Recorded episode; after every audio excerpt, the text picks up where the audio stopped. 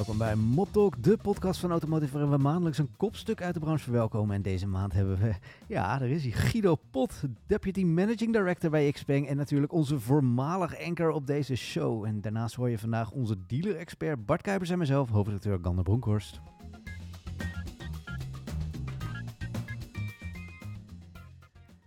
Ja, Guido, uh, welkom op een uh, plek die je zo goed kent. Alleen, nu in de hot seat.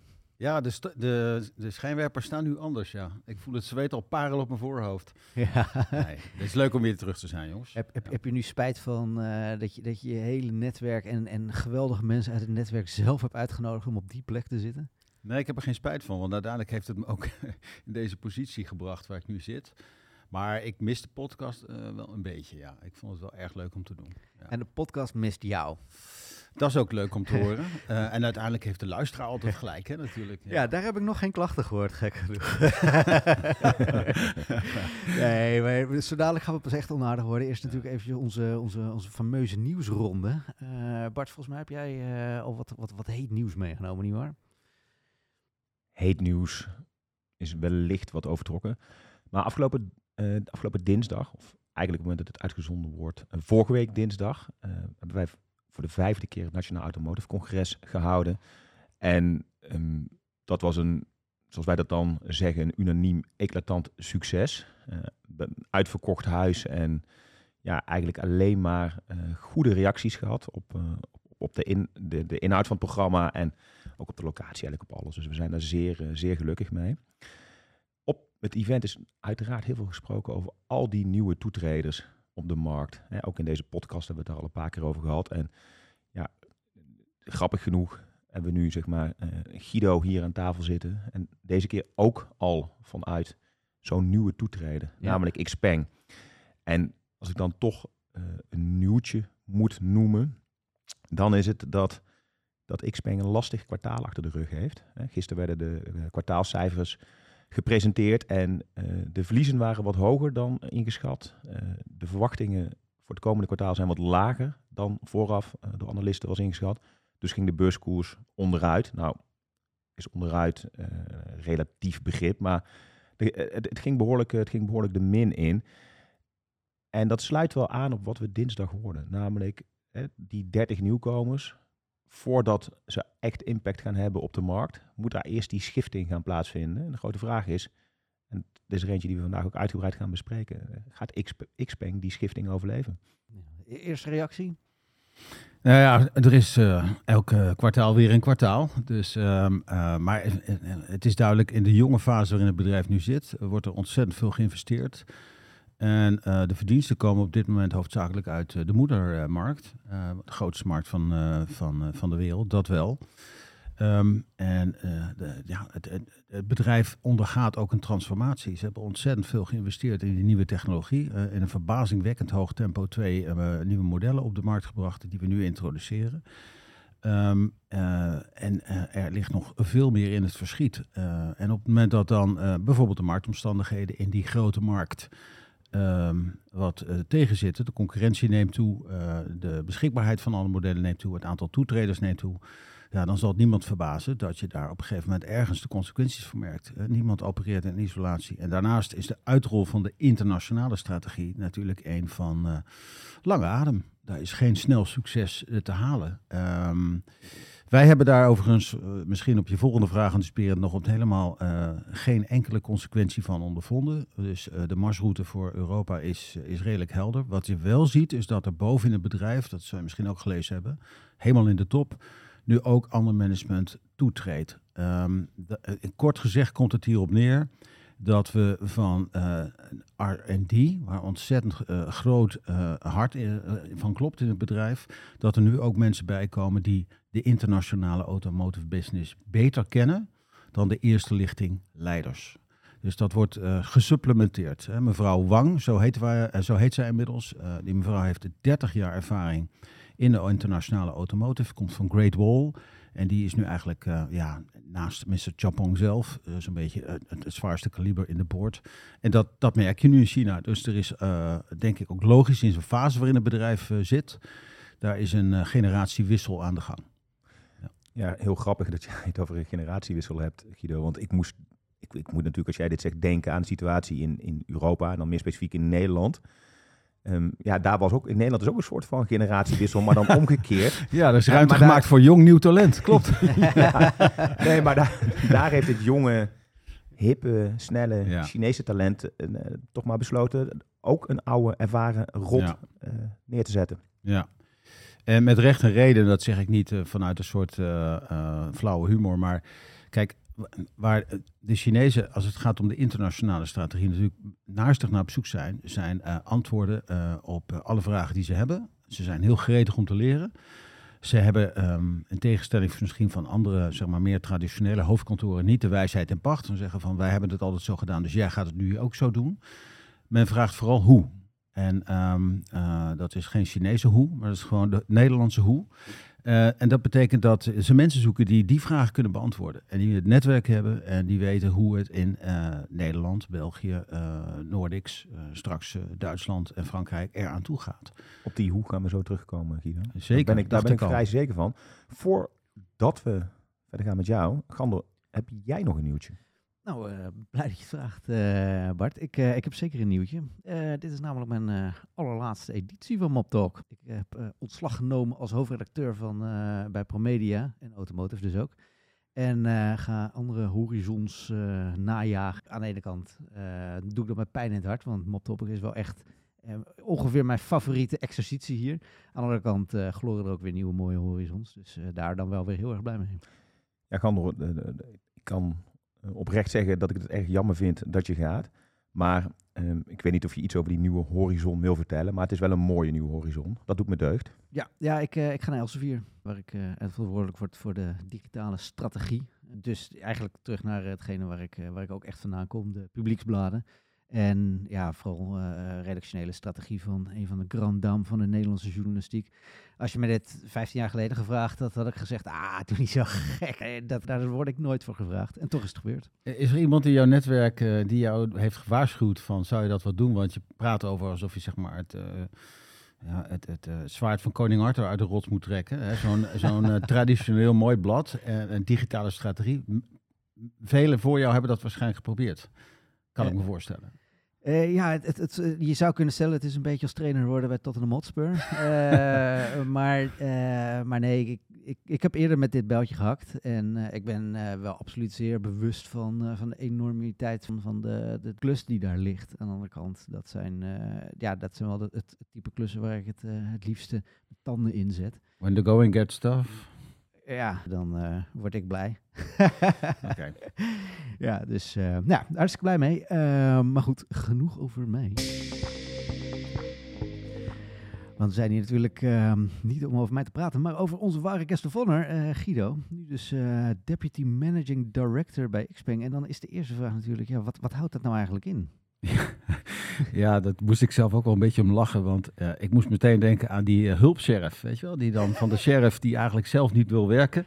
eh, een speld krijgt opgeprikt van, nou weet je, hou, jij eventjes orde in de stad. Ehm, en de andere flauwe grap die intern al gemaakt is van, eh, als het eh, goed gaat en er zijn successen te vieren, dan eh, staat de, de managing director voorop. Als het slecht gaat, en dan ligt de deputy er meteen uit. Misschien is dat iets met de adjunct hoofdredacteur ook. Daar kan je het een beetje mee vergelijken, denk ik. 100 procent, ja, Ja. een absolute hondenbaan. Ja. Ja. Maar in de praktijk komt het erop neer. Kijk, ik heb een, een, een managing director. Dat is een hier van een Chinese makelij. Die zit al een, een tijdje in Europa trouwens. Goed opgeleid. spreekt perfect Engels. Maar is ook verantwoordelijk voor Zweden. En straks ook nog voor een aantal andere markten. Dat is de man, eh, de insider. Eh, dat ben ik natuurlijk niet. Ik heb geen wortels eh, in China. Ik heb geen wortels op het hoofdkantoor. Ik richt mij vooral hier op de werkelijkheid in Nederland. En straks België ook. Ehm, eh, dus ik vind het een fantastisch tandem. We hebben elkaar goed nodig. Ehm, en, maar goed, ja, dat is. we kennen het wel. Hè? Jullie kennen het ook van de, van de Aziatische bedrijven. Eh Leon heeft volgens mij ook. eh, is nu eh, zeg maar vrij, hè? free to move. Maar hij heeft he- heel lang een, president naast zich gehad. Dus dat is bij dat soort bedrijven wel gangbaar. Ehm, maar voor de rest is het, het- woordje niet zo heel bijzonder. De inhoud is, ik ben commercieel verantwoordelijk eigenlijk voor de hele business, behalve, ik geloof, statutair niet echt direct voor HR. Dat is, dat is dan de AMD en ook de PNL is waarschijnlijk ook de MD. Maar ja, het gaat eigenlijk naadloos in elkaar over. Ja. Ja. Je kent het, uh, you know the drill, dus je weet ook dat we naar jouw uh, LinkedIn-profiel hebben gekeken Ja. om daar uh, de, de, de, de- Alleen het lezen van jouw LinkedIn-profiel ben je Als al- een jongensboek, al, hè? al een kwartiertje mee bezig. Jongen. Maar mijn eerste Ja. vraag is eigenlijk, ehm, jij wist dat we dit gingen doen. Wat heb jij verwijderd in de tussentijd waarvan je zegt, oh, dat, moet, eh, dat, dat hoeft niet besproken te worden? Nou, wat ik, ehm, eh, ik weet nog toen we Simon Luiks in de uitzending eh, hadden, eh, toen vroeg ik hem daar ook naar. En toen zei hij dat zijn eh, eerste baantje was in de uitzendbranche. Eh, en zo kwam hij bij Hertz terecht, weet ik nog. Ja. En eh, dat was bij mij ook zo. Mijn eerste baan was bij Tempo Team. Ehm, en eh, dat kwam voort uit een bijbaantje wat ik had. Maar omdat mijn coach, die ik ooit natuurlijk ook een keer op mijn pad heb gehad, eh, zei van ja, je moet eigenlijk je cv wel beperken tot twee blaadjes. wat een hele kunst is, als je heel veel jaren meedraait, heb ik wat dingen gewoon aan de onderkant weg moeten laten vallen.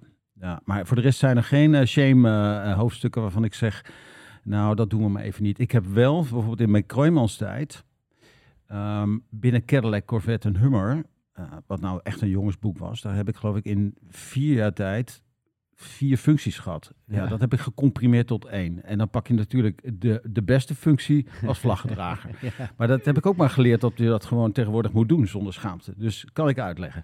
Ja. Is dat, is dat overigens de tijd geweest waar je nu de meeste vruchten van plukt? Ik bedoel, dat was ook de introductie van een nieuw, Ja, nieuwe merk dat op zie de goed. Europese markt. Ik moet er enorm aan terugdenken. Eh, Het was ook pionieren, eh, waarvan de helft van de wereld zei, je bent gek, dat wordt niks. Cadillac, eh, Corvette, Hummer. Op zich, Op zich, een punt. big smile hè, altijd. Maar wie gaat dat nou in Nederland kopen? Eh, er was geld, eh, er waren mensen, eh, er waren panden. Eh, nou, het pand van waar Kia nu zit, hè, dat was het hoofdkantoor. Dat heb ik nog geopend toen, was 2000 man. Super, ja, het was echt een fantastische tijd.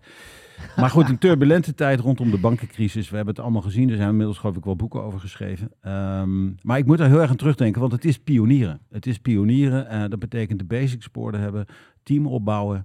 Eh, de, de eerste dingen die je doet moeten goed zijn. Want anders zegt iedereen, oh dat werkt dan niet. Nou, weet je. Dus eh, daar moet ik heel erg aan terugbrengen. En daar krijg ik ook de energie van. Eh, en ik maak eigenlijk, ja, dat is gewoon de ervaring. Eh, je trekt een laadje open en je weet je weg te vinden. Dus dat heb, ik ook wel nodig nu, die ervaring. Ja, komt goed van pas. Ja, dat geloof ik direct. Overigens, je, had het over een jongensboek, maar als ik eventjes alle merken op een rij sta, zet die ik, ehm, nou ja, die ik op jouw cv zag staan. Cadillac inderdaad, Corvette dus, Jaguar, MG. Eh, Oude MG, hè? eh, Ja, met roostertje nog. Opel. eh, Ja. GM.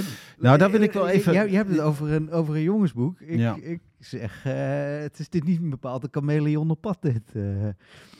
Wat zei je? Er is Een- geen merk meer over eigenlijk. Nee, wat Nee, ik heb, een spoor, ik, heb een spoor, ik heb een spoor van verwoesting achter me gelaten. Ja, Rover Groep, eh, Opel, General Motors, het is allemaal een keer failliet gegaan. Eh Kroijmans, Saab, daar heb ik ook nog een, eh, ja, met mijn kennelijk eh, jaren in panden gezeten bij, bij Saab.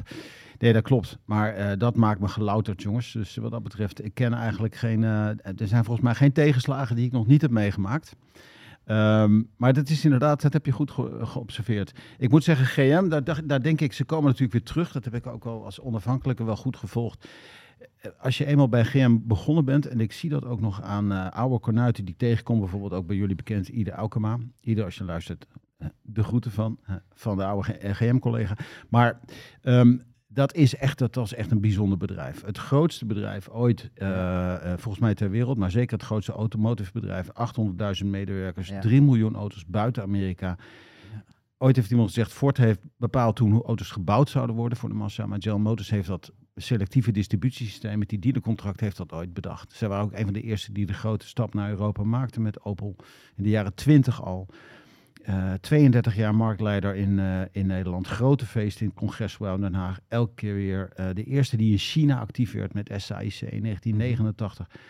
Daar is niet zoveel van over. Het is een heel ander bedrijf. Maar daar heb ik zo ongelooflijk veel geleerd. Eh, en je werd ook al meteen als high potential na drie jaar in het buitenland gestopt. Op een hoofdkantoor. Dus ja, dat is, ik, ik gun dat eigenlijk eh, jonge mensen in de automotive wel. Dat er weer dat soort werkgevers bestaan. Waar, ja, waar je echt jezelf zo mooi kan ontwikkelen. En die je kansen geven. Ja, dat, eh, die tijd, die, eh, die, die, ja, dat zit nog steeds in mijn DNA. Ja.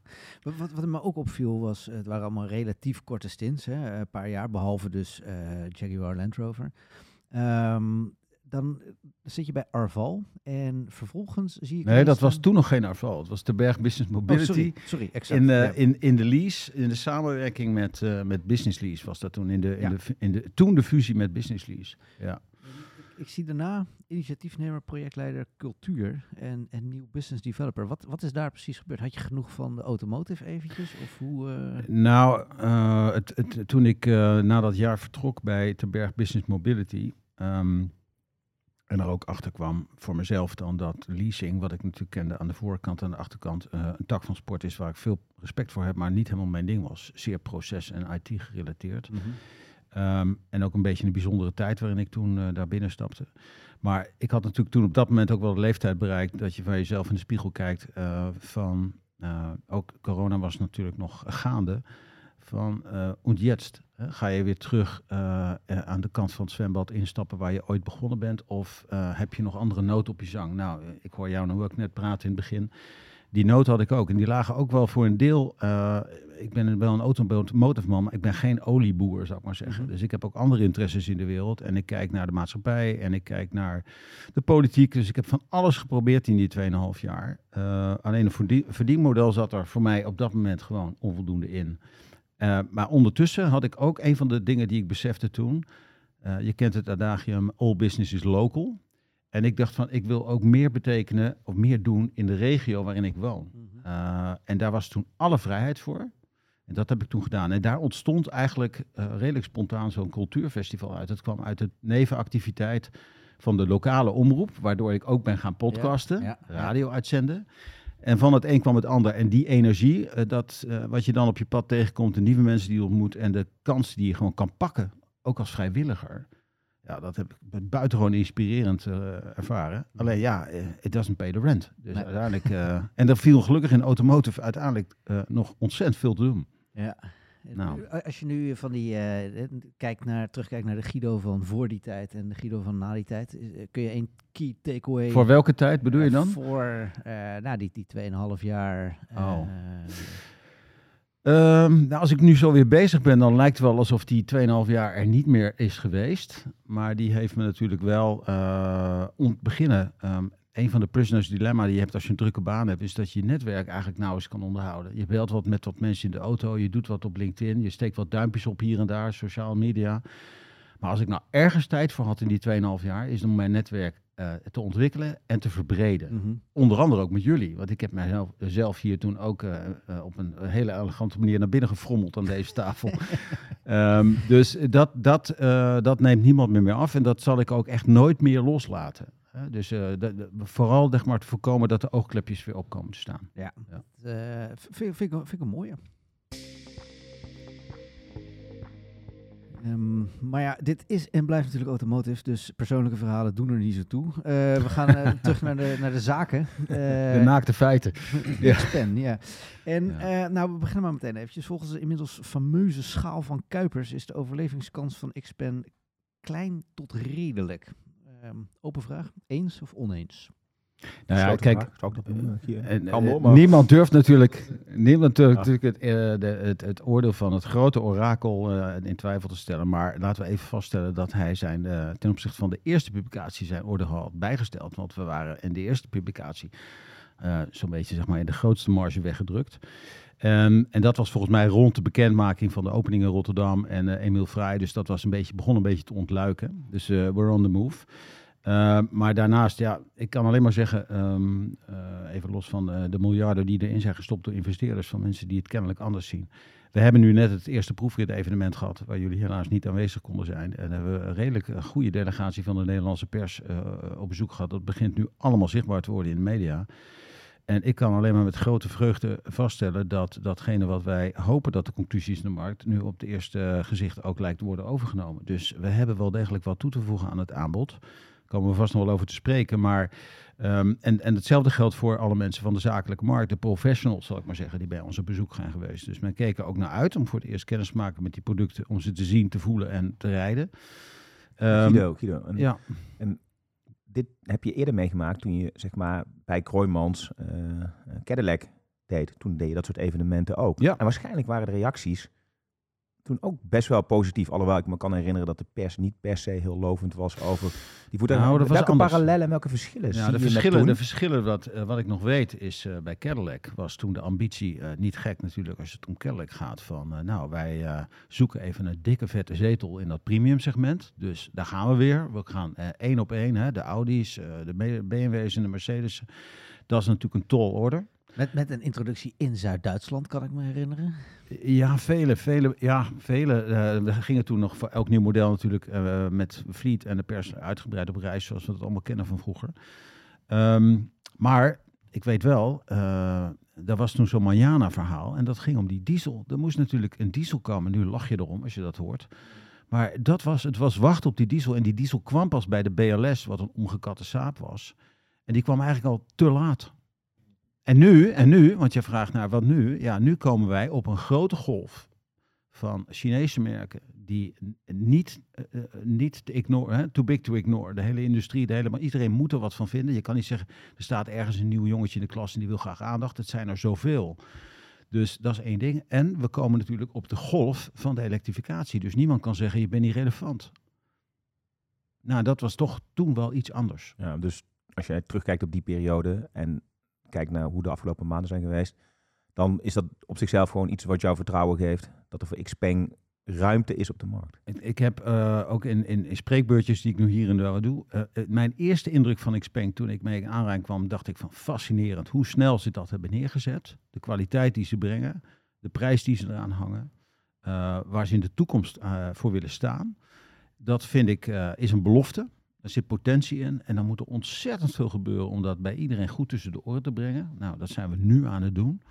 Ehm, en waarschijnlijk over een jaar, als we nog een podcast hebben, of iemand zal zeggen van nou, dan is het tijd om de balans op te maken. Hè? Maar we zitten nu echt nog in de branding.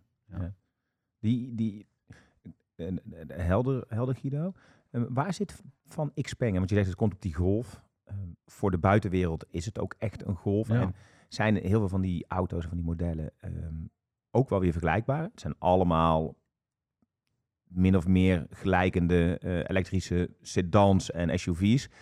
Ehm, qua prijzing lijkt het ook wel redelijk op elkaar. Wat is jullie USP dan? Nou, we hebben er één. En eh, daar zijn we nog een beetje voorzichtig in. eh, eh, echte unieke. Dus ik hoop dat iedereen goed luistert, want er komt die. De G9, de grote SUV, is de snelst ladende massaproductieauto ter wereld. Die staat op een high voltage architectuur, eh 800 volt. En kan, en daar zijn al filmpjes voor, we gaan er natuurlijk ook filmpjes voor maken met Fastnet, noem maar op. Dan kan je gewoon 330 kilowatt aantikken. Dus dat betekent, je, hebt nog, je staat nog net in de rij voor de koffie bij het tankstation en je hebt er 100 kilometer bij getankt. Ja, dat vind ik amazing. Dat vind ik echt knap. Dus dat is een, eh, dat is een unieke USP. Eh, dat is natuurlijk een rat race. Dus ik bedoel, hoe lang hou je dat eh, Guinness Book of eh, Ja. Records?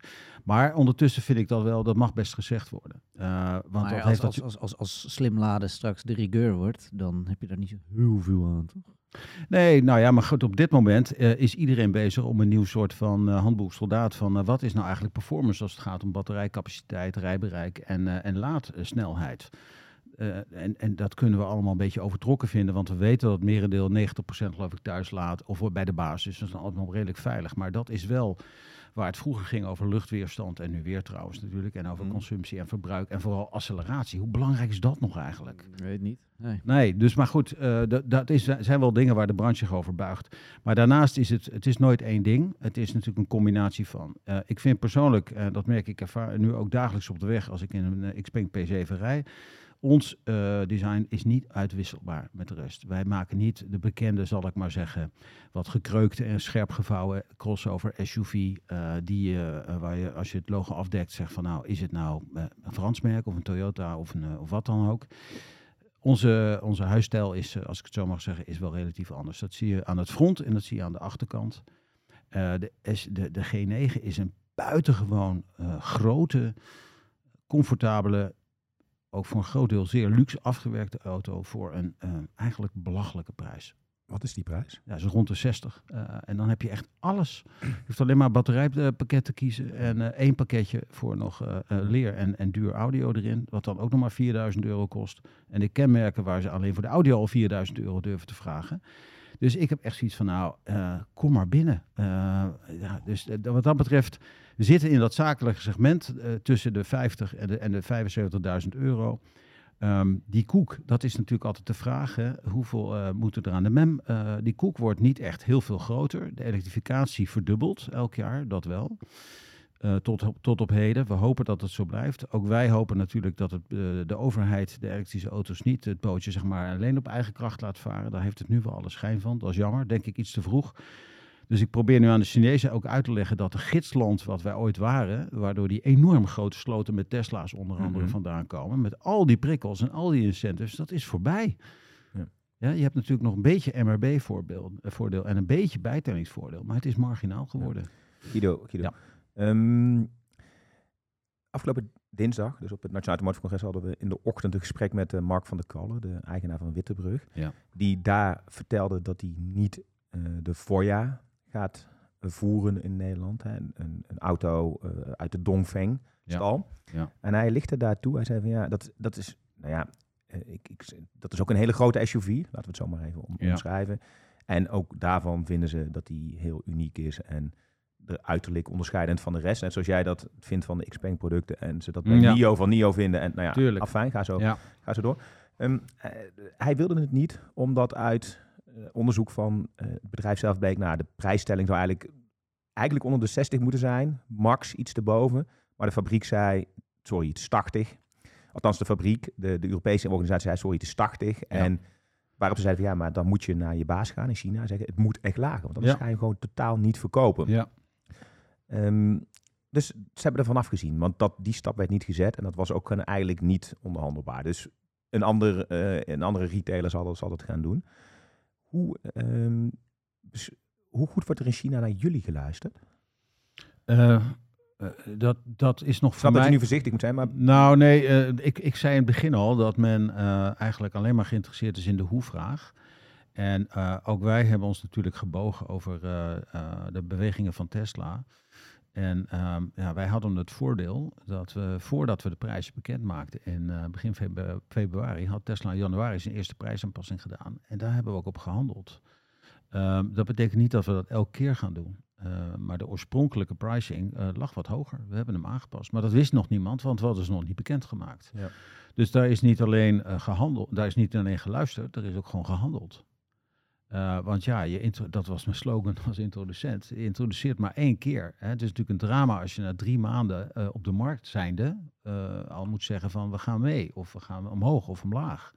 Want je bent juist bezig om een, uh, een soort van betrouwbaarheid neer te zetten, met name naar die zakelijke markt.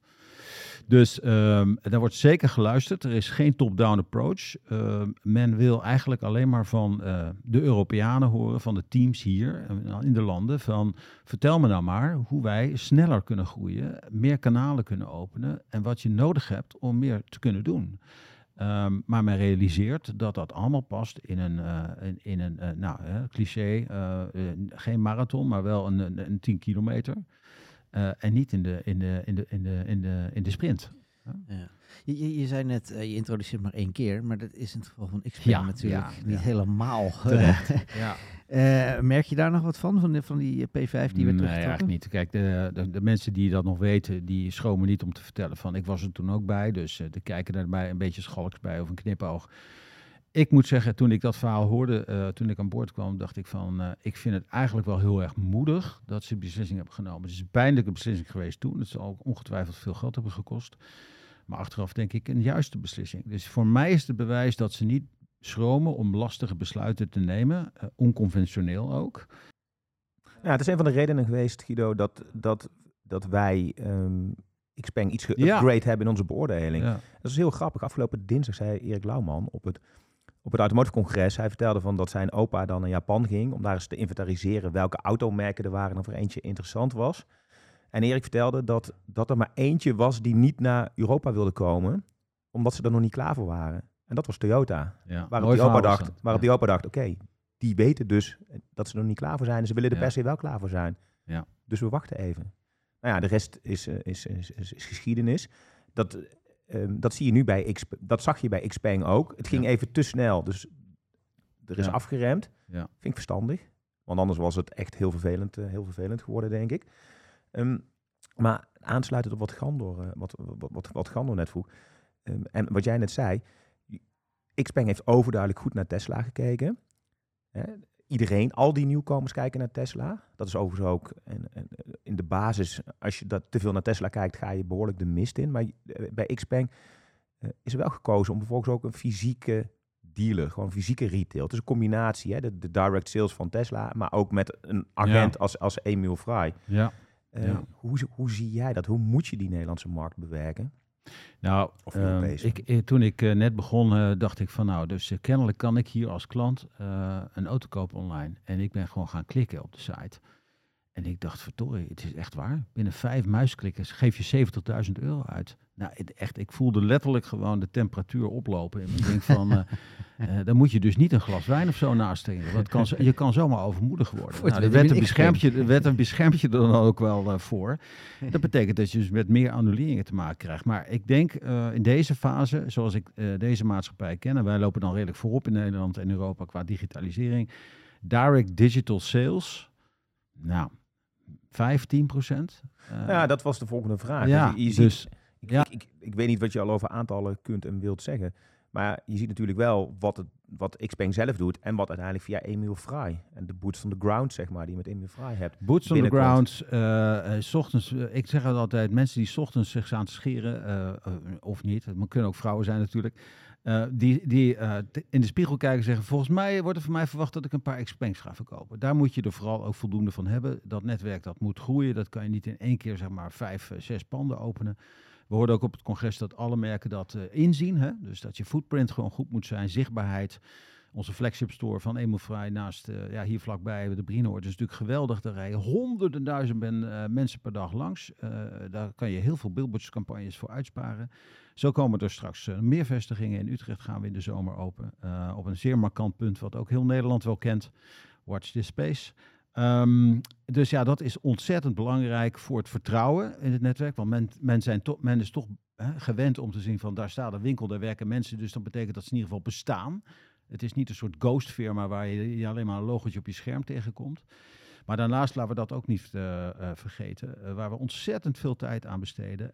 met ook, eh, ja, nu de eerste resultaat is natuurlijk dat je de leasemaatschappijen eh, goed informeert over wat je plannen zijn, waar je voor staat. En dat zij op een gegeven moment elkaar aankijken aan, de, aan tafel. En zeggen, hè, dus inkoop, verkoop en noem maar op van, ja, die maken net als jij Bart ook de bekende lijstjes. Hè. Waar gaan we op inzetten en waar nemen we even een backseat? Nou, ik heb, en dat vraag ik ze ook, wij staan daar aan de goede kant eh, van het lijstje. Dus zij zien ook... Dat kan door- ik bevestigen. ja, nou dat is fijn. Dus ik hoop dat iedereen dat goed hoort. Maar ehm, dus dat is, eh, ik denk wel voor 50, 60 procent van de orders die we binnenkrijgen, die komen gewoon via Leaselink eh, bij ons in het computertje binnen. Dus ook digitaal. Maar daar zit een hele wereld van beïnvloeding en, informa en, en, en informatievoorziening en relatiebeheer achter. Ja, hoe, hoe, is, hoe werkt dat dan met Emil Fry samen? Wie doet dan wat in dit zakelijke ja, dat traject? is eigenlijk eh, voor mij ook een reden geweest om te zeggen van hier geloof ik ernstig in. We hebben één agentschap, eh, maar dat is natuurlijk met een van de grootste retailers eh, in Nederland en de grootste in Europa. Zeer capabele club met goede mensen die ook weten dat succes niet overnight komt. eh, en je kunt daarin letterlijk in alles samenwerken. Ook in het agentenmodel wat we nu, daar val ik ook met mijn neus in de boter. Met al mijn ervaring in selectieve distributie en wholesale.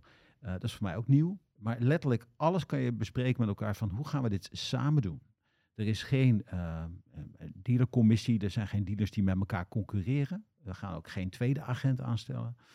We bepalen gezamenlijk wat het groeipad is en we gaan gezamenlijk naar die leasemaatschappijen. Emil Vrij, het fleetteam van Emil Vrij, heeft ons in het begin geïntroduceerd bij al die leasemaatschappijen. Nou, ik zou bijna zeggen hoe mooi wil het hebben. Jij zegt, voor jou is inmiddels al duidelijk, zo kort bezig al, dat, dat, dat die samenwerking met Emil Fry eh, goud is. En eigenlijk onmisbaar. De partijen die dat niet doen, gaan die daar een hele hoge prijs voor betalen? Ja, ik, ik denk op dit moment, eh, eh, ik kan me niet voorstellen dat de partijen, eh, tenzij dus iemand een ver weg in een hoofdkantoor zegt van ik luister wel, maar of ik hoor je wel, maar ik luister niet. Want dit is de strategie, heeft de president be- besloten. Maar het merendeel is toch eh, in een verlovingsfase of al in de huwelijksfase. Hè? Dan kan je kiezen voor een distributiemodel, een agentenmodel. Ja, van de 29, Guido. Sorry dat ik je, je Ja. onderbreek, maar daar zijn er toch een, eh, echt een heel aantal die denken dat ze het uitstekend zelf kunnen zonder eh, een Ja. bijzonder eh, retailnetwerk op te tuigen. Ja, Maar, maar degene die, hè, we hadden het net over de leasemaatschappijen, uh, waar het vertrouwen toch wat sneller op tafel komt, dat zijn de partijen die zich associëren met mensen van vlees en bloed, waarvan uh, een klant, hoe groot ook, kan denken van als ik ergens een probleem heb, weet ik in ieder geval wie ik kan bellen. Ja. Uh, je had het net over het Experience Center bij Brienendoord. Dan ben ik daar een poosje geleden langs gereden toen Ja. ik naar mijn favoriete clubje ging. Um, stonden nog niet heel veel BY, of, uh, sorry, uh, Xbanks. stonden heel weinig BYD's. je bent er wel met de goede binnen gelopen, hè? Die staat ernaast, die, die vestiging zit ernaast. Ik wou het zeggen, die ja, zit ernaast. Ja, ja, vind vast aan de andere kant. Uh, eigenlijk alleen maar, vind ik een mooie statement trouwens. Hè? Het is een soort, het is een nieuw landschap. Ja. Je weet welke merken daar vroeger stonden. Ja, ja. ja, ja absoluut. Nou, um, uh, ja. ik, ik heb me laten vertellen dat er inmiddels wel wat, wat Xbanks staan. Uh, lopen er ook al klanten naar binnen? Ja, ja het is, uh, we hebben twee, we hebben twee showrooms, drie eigenlijk inmiddels. We hebben net Bad Hoeverdorp, wat eigenlijk een, een, een, een service center is ook geopend. Um, in, in Leidschendam zien we enorm veel traffic. Dat zijn er ongeveer zo'n 8000 mensen per maand die, die binnenlopen. Daar halen we zo'n 300, 400 leads per maand uit. Um, en de, de, kunst is daar om zeg maar, van al die mensen, om daar mensen uit te vissen die ook echt zeg maar, geïnteresseerd zijn om verder te praten over die auto. In Rotterdam is het meer het traditionele showroom traffic. Dus dat betekent Mhm. iedereen die daar die deur opent, ja, die komt daar niet om te plassen of een kop koffie te drinken. Ja, dat altijd. Maar, Moet een auto maar die, die komen natuurlijk gericht binnen. Dus dat is uh, een betere kwaliteit leads. En dan hoor je, en dat hoor ik al 30 jaar in de branche, de ene dag is de andere niet. Hè? Dan heb je de meivakantie. Dan is het op een gegeven moment, is iedereen weer bezig met carnaval of wat het dan ook is. Dus dat zijn goede dagen, slechte dagen. Maar uiteindelijk uh, is dat wel, uh, ja, weet je, dat, dat is een toplocatie en daar komen mensen binnen. En de auto's, ja, we zitten natuurlijk, uh, ik zei het net, de branding. We zitten nog steeds in de voorintroductiefase. We hebben wat we hier hebben rondrijden op Luxemburgse plaatjes. dat zijn preproductieauto's. De eerste klantenauto's die komen straks in juli. dus we zitten nog niet, we zijn nog niet vol bepakt, zou ik maar zeggen. Nee, de enige X-Panks die ik zie rijden, dat is, ik woon in Amsterdam, daar rijden er een paar rond. Ik neem aan dat daar de, de, de ja, dat is het hoofdkantoor. Ja, het Europese hoofdkantoor. Daar rijden wij, ja, dus dat zijn ja, wij. Dus kan je zwaaien, dat zijn allemaal collega's Ja. van me. Ja. Hey, ik, ik zag, ik fietste er laatst langs eentje en toen dacht ik, hé, hey, dat is er niks. En nee, het bleek een BYD te zijn. Dus ik moet wel Ja, zeggen... maar jij was ook nooit echt een automotive man. over auto, we mochten ook niet te veel uh, praten over auto's van uh, het nee, orakel. Nee, nee niet, niet over automodellen, inderdaad, niet over het blik zelf en, uh, en, en ook niet over mensen. Ehm, waar we wel over willen praten is hoeveel auto's wil jij verkopen? Ja, nou kan ik natuurlijk dat flauwe politiek correcte antwoord geven van daar kan ik geen mededeling over doen. Uh, dacht ik ook wel hierover na. Ik, ik, kijk, um, uh, Chinese bedrijven die houden van ambities. Dus die aantallen die erin staan, die targets, die ga ik niet noemen. Ik ga het wel proberen enigszins realistisch te benaderen. We zijn op februari, 1 februari begonnen met het bekendmaken van de prijzen. Ergens in maart, april kwamen de auto's. Nu, nu wordt er proef gereden. Nou, het, het, jaar is alweer bijna half voorbij. Dus straks wat je ziet in de registratie staan. Nou, ik denk, uh, er gaat een uh, goede fles wijn open als het er uh, tussen de 500 en de 1000 zijn. Uh, er komt een, een, een, doos wijn, als het er meer dan 1000 zijn, zijn het er meer dan 1500. Dan is het caviar en champagne. maar dat wordt, een hele, dat wordt een hele zware opgave. Hoor. Nou, dus dat ik, laatste is echt volstrekt uitgesloten, Guido. Dat precies, Bart. Ja, jij zegt het. maar goed, ik, ik mag natuurlijk dromen over caviar en champagne. Het zal waarschijnlijk wel een hele goede, dikke, vette fles wijn zijn. of misschien een doosje. Oprecht het meest overrated eten op aarde, caviar. Ik ben het met je eens, maar goed, ik moet toch iets sfeer zetten van succes. ja, nee, dat, dat, dat, dat, is helemaal waar inderdaad. Um, je, je belooft in januari, uh, toen, we, toen we wel aanwezig waren uh, bij Xpeng, dat, dat Nederland nog veel meer van jullie gaat horen. Um, wanneer en hoe precies? Ja, hoe? Ben ik ook wel benieuwd naar. Hoe? Ah, de hoe-vraag. Ja, de route to market. Nou, om te beginnen um, uh, lees je nu, uh, as we speak, de resultaten van waar de journalisten over schrijven. Laten we dat vooral niet onderschatten. Dus um, dat is... je beleeft nu als je marktintroductie, zeg je? Wat zei je? Je beleeft nu je, je ja, echte eigenlijk wel. Ja, dus er wordt nu in de grote autobladen en ook in, in een aantal dagbladen lees je gewoon wat de ervaringen zijn van de journalisten als ze voor het eerst met het product gaan rijden free publicity, uh, um, maar wezenlijk belangrijk van onafhankelijke bronnen. Dus dat is één. Twee, uh, deze week is begonnen onze nationale uh, advertentiecampagne of introductiecampagne. Dat doen we in twee modellen tegelijk. Dat is ehm, aan de ene kant leuk, want dan heb je veel te vertellen. Aan de andere kant is het een eh, handicap, want je moet twee kinderen tegelijk voeden. Dus uh, dan gaat het ook weer ten koste misschien van één model. Grappig is dat uh, de journalisten allemaal voor het eerst gaan praten over die P7. En die G9 kennelijk nog even bewaren voor straks. Hè? Want ook die schrijven niet in één artikel over twee auto's. Dus daar komt nog veel meer aan. Die, uh, die introductiecampagne, dat begint met billboards. Dus die zou je moeten gaan zien nu. Die zitten zeg maar in het digitale draaiboek. Um, en daarnaast is er natuurlijk, wordt er tegenwoordig ontzettend veel geld gestopt in uh, digitale paid media, always on. Nou, daar sta ik, daar moet ik ook een beetje bij blijven. Daar heb ik gelukkig wel goede mensen voor in team, maar daar gaat per maand echt wel een behoorlijk bedrag heen. Uh, en aan de andere kant zie je daar dan weer honderden of soms wel meer dan duizend leads voor terugkomen per maand. En daar gaat het natuurlijk ook om. Alleen, ja, dat is, vind ik nog steeds wat minder zichtbaar. Ik ben nog aan de generatie van uh, pagina, telegraaf, billboards. Merk je dat sinds jij begonnen bent bij uh, Xpeng, dat, nu drie, vier maanden geleden? Drie maanden, ruim drie, drie maanden, maanden geleden. Merk je ja. dat er al een omslag is in denken over de marketing spend die nodig is om uh, nou, daadwerkelijk te kunnen ja, voorkomen? Er, er staat, uh, ik was relatief verrast over, ik, ik ken de marketingbudgetten van luxury brands en uh, van ook wel van, van volumemerken van vroeger. Uh, ik was positief verrast met het budget wat er stond. Ik denk van zo, nou dat is in ieder geval, uh, hoeven we niet zeg maar uh, Tom Poes verzinnen list. doe eens wat leuks, maar er is geen geld. Dus dat is er. Dan voel ik me ook onmiddellijk verantwoord om daar heel zuinig en goed mee om te gaan. en dan kan je ook allerlei dingen tegelijk gaan doen. Maar in deze fase zijn we nog echt bezig met de basics. Laten weten dat het merk er is. Laat het meten wat de, hoe de modellen heten. Dat is tegenwoordig ook een opgave met mm -hmm. al die namen van auto's, uh, al, uh, alfanumeriek of anderszins. Nou ja, vooral als ze namen hebben die, die ook voor een geopolitiek overlegorgaan door kunnen. Ja, nou dat is nog best een aardige associatie, als je het over leadership wil hebben. Maar um, uh, dat klopt. Ja, dat, klopt. Daar heb ik nog geen invloed op. Nee. Ik ben wel benieuwd wanneer een Chinees merk iets de G7 gaat noemen. Ik denk dat dat wel even op zich laat wachten. Maar het, het, is wel interessant natuurlijk, want aan deze tafel hebben we natuurlijk wel vaker besproken. Uh, hebben die nieuwkomers echt wat door wat een enorme marketinginvesteringen erbij komen kijken? En ja. je ziet dat dus wel, wel positief in nu bij Xpeng. Ja, want dat zit ook echt uh, verbonden aan het, uh, de keuze die is gemaakt um, in het agentenmodel. Hè. Dan is de principaal, je weet het, uh, de ja, principaal ja. is natuurlijk verantwoordelijk voor de aanjaging. en in het wholesale model ligt dat altijd verdeeld. en dan ga je langs mijn dealer en zeg je, wat heb jij nog nodig om meer auto's te verkopen? ja, nu is het andersom. En uh, uh, ja, dus dat, het antwoord daarop is ja. En uh, er ligt ook van boven geen opgelegde pandoer in de zin van wij hebben besloten ver weg in China dat dat zo moet. Uh, dus het is aan mij en aan het team en aan de agencies die we ons, om ons heen hebben om daar goed en zinnig mee om te gaan. Want je kan het maar één keer uitgeven. Nog zo'n cliché. Ja. Uh, maar bijvoorbeeld waar we erg naar uitkeken, daar waren we vorig jaar ook wel een beetje de star of the show. Eén van de, uh, was de EV Experience. Straks in september op Zandvoort. Ja, dat is een knaller. Ik vind het persoonlijk, is een oproep ook aan, aan, de, aan de branche en de branchevereniging. Er gebeurt zoveel, of aan jullie misschien wel, als, als jullie doen ook veel evenementen, maar er gebeurt zoveel uh, op de mobiliteitsmarkt.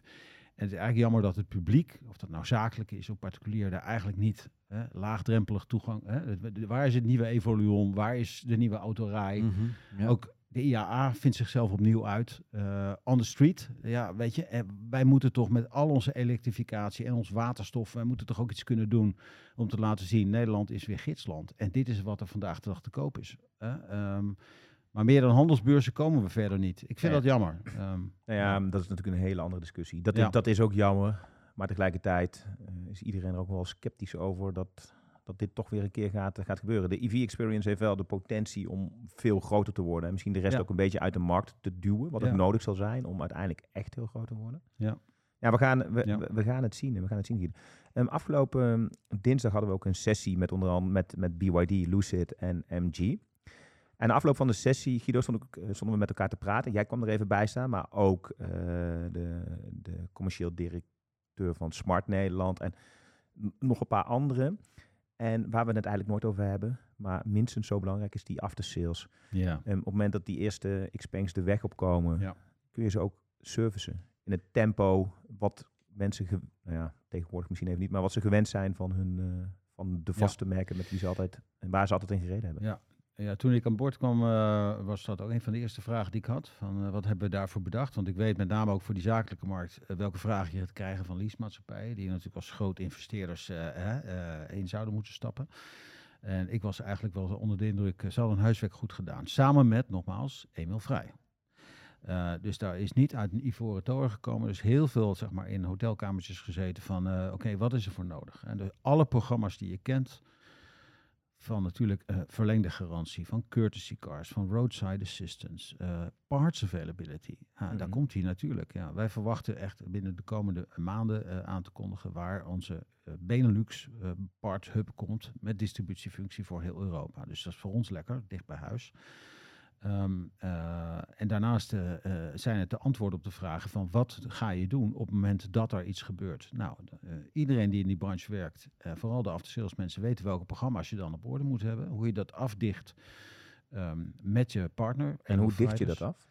Dat, dat dicht je af. Kijk, als je naar gemiddelde SLA kijkt van een leasemaatschappij, dat zijn ook van die documenten die je dan aan het begin onderhandelt. Dat willen ze ook uh, weten. Uh, dus krijg je een soort uh, testrapport van, nou, kun je dit invullen, meneer Xpeng? En dan ga je dan samen met ze in gesprek en dan gaat het over parts availability, vervangend vervoer, prijsafspraken. Hè, dus uh, ja, ja. de informatie over uh, in te vallen natuurlijk, over een bepaald uurtarief en onderdelenprijzen. Die, al die informatie is gegeven, zodat je ook straks via ROB-net snel die transacties kan doen. Er wordt wat gesproken natuurlijk over banden en ruiten. Er wordt wat gesproken over over uh, uh, product liability. Dat is ook interessant tegenwoordig, want iedereen uh, heeft natuurlijk nog steeds bang voor auto's die in de fik gaan. Dus hoe ga je dat oplossen? Van die verantwoording die ligt toch niet bij ons, maar straks. Welke, welke namen kunnen we hier nog aan koppelen? Guido? Welke namen? Nou, als het gaat om als, als het gaat om after sales, is dat 100% straks Emil Fry? Want kijk, Emil Fry zit op veel plekken in het land, maar niet op alle. Nee, maar daar hebben we iets voor bedacht. Uh, want dat netwerk van Emil Fry, waar Xpeng boven de ingang staat, dat zal uh, best gaan groeien. Daar verwachten we dit jaar te eindigen misschien met drie, volgend jaar met vier vestigingen. Maar daarnaast is er de X-Service Link gedachte. En dat is eigenlijk een combinatie van haal- en brengservice. Um, bij vestigingen van het netwerk van Emil Vrij. Waar een ander merk dus boven de deur staat. Uiteraard. Ja, dus dat betekent dat jij, Bart, als jij, als jij gewoon ergens uh, in, in de regio de auto kan inleveren. En je hang, daar haal je hem straks ook weer op. Of we brengen hem bij je thuis, kan ook. Daar betaal je dan een beetje voor. Maar wat er dan daarna gebeurt, zie jij niet. Maar dan wordt die auto natuurlijk naar een van de Xpeng uh, service centra gebracht. Dus dat is eigenlijk een soort pick-up en delivery adres, zoals we dat ook kennen van de pakketjes eigenlijk. Mm -hmm. En als het gaat om schade en banden, daarvan zeg je dat mogen die leasemaatschappijen gewoon zelf invullen. Nou ja, die doen dat zelf. En Emo Vrij wil dan natuurlijk een, uh, een, piece of the pie hebben. Dus dat is dan ook weer meer een gesprek tussen die leasemaatschappijen ja. die dat ja. in eigen beheer doen en Vrij. Wij zeggen van uh, als jullie eruit komen is het voor ons prima. Wij hebben zelf geen uh, bodyshopketen. Ik uh, vind het, uh, helaas komen we richting het einde van de tijd. Uh, nou, je, ik denk misschien maak je er nog een Excel-versie van, omdat je, het je laatste is. Maar. Nee, we doen een Xpeng-versie van, eh, hebben, we, hebben we besloten. Ja. Ehm, wil jij eh, nog iets verder ter tafel inbrengen?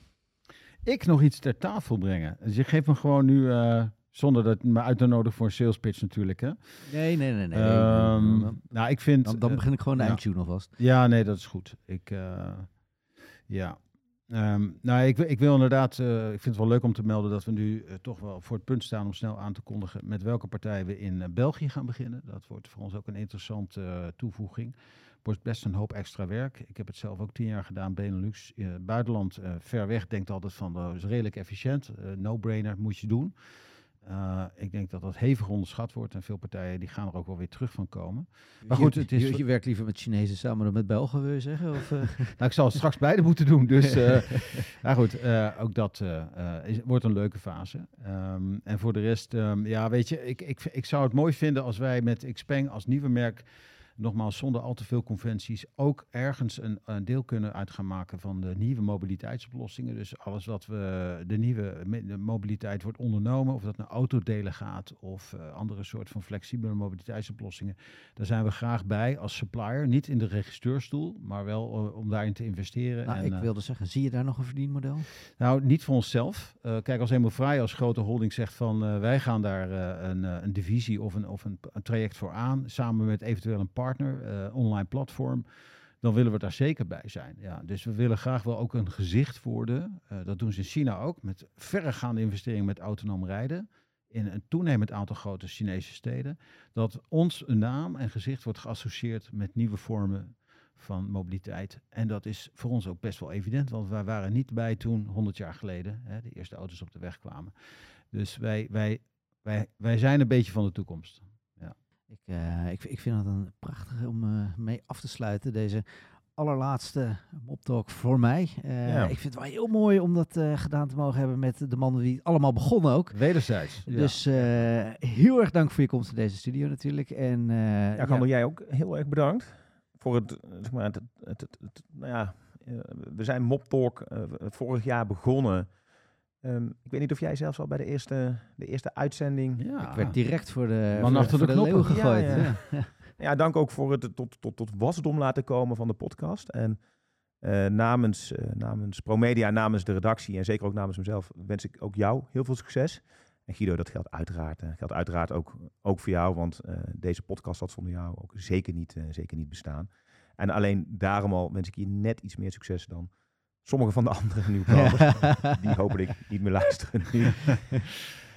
maar of mijn oordeel, of jullie het gaan redden, daardoor hoger wordt, dat, daarin moet je toch helaas we blijven teleurstellen. Hard we blijven hard ons best uh, voor jouw uh, lijstje doen. Uh, heel goed, heel goed.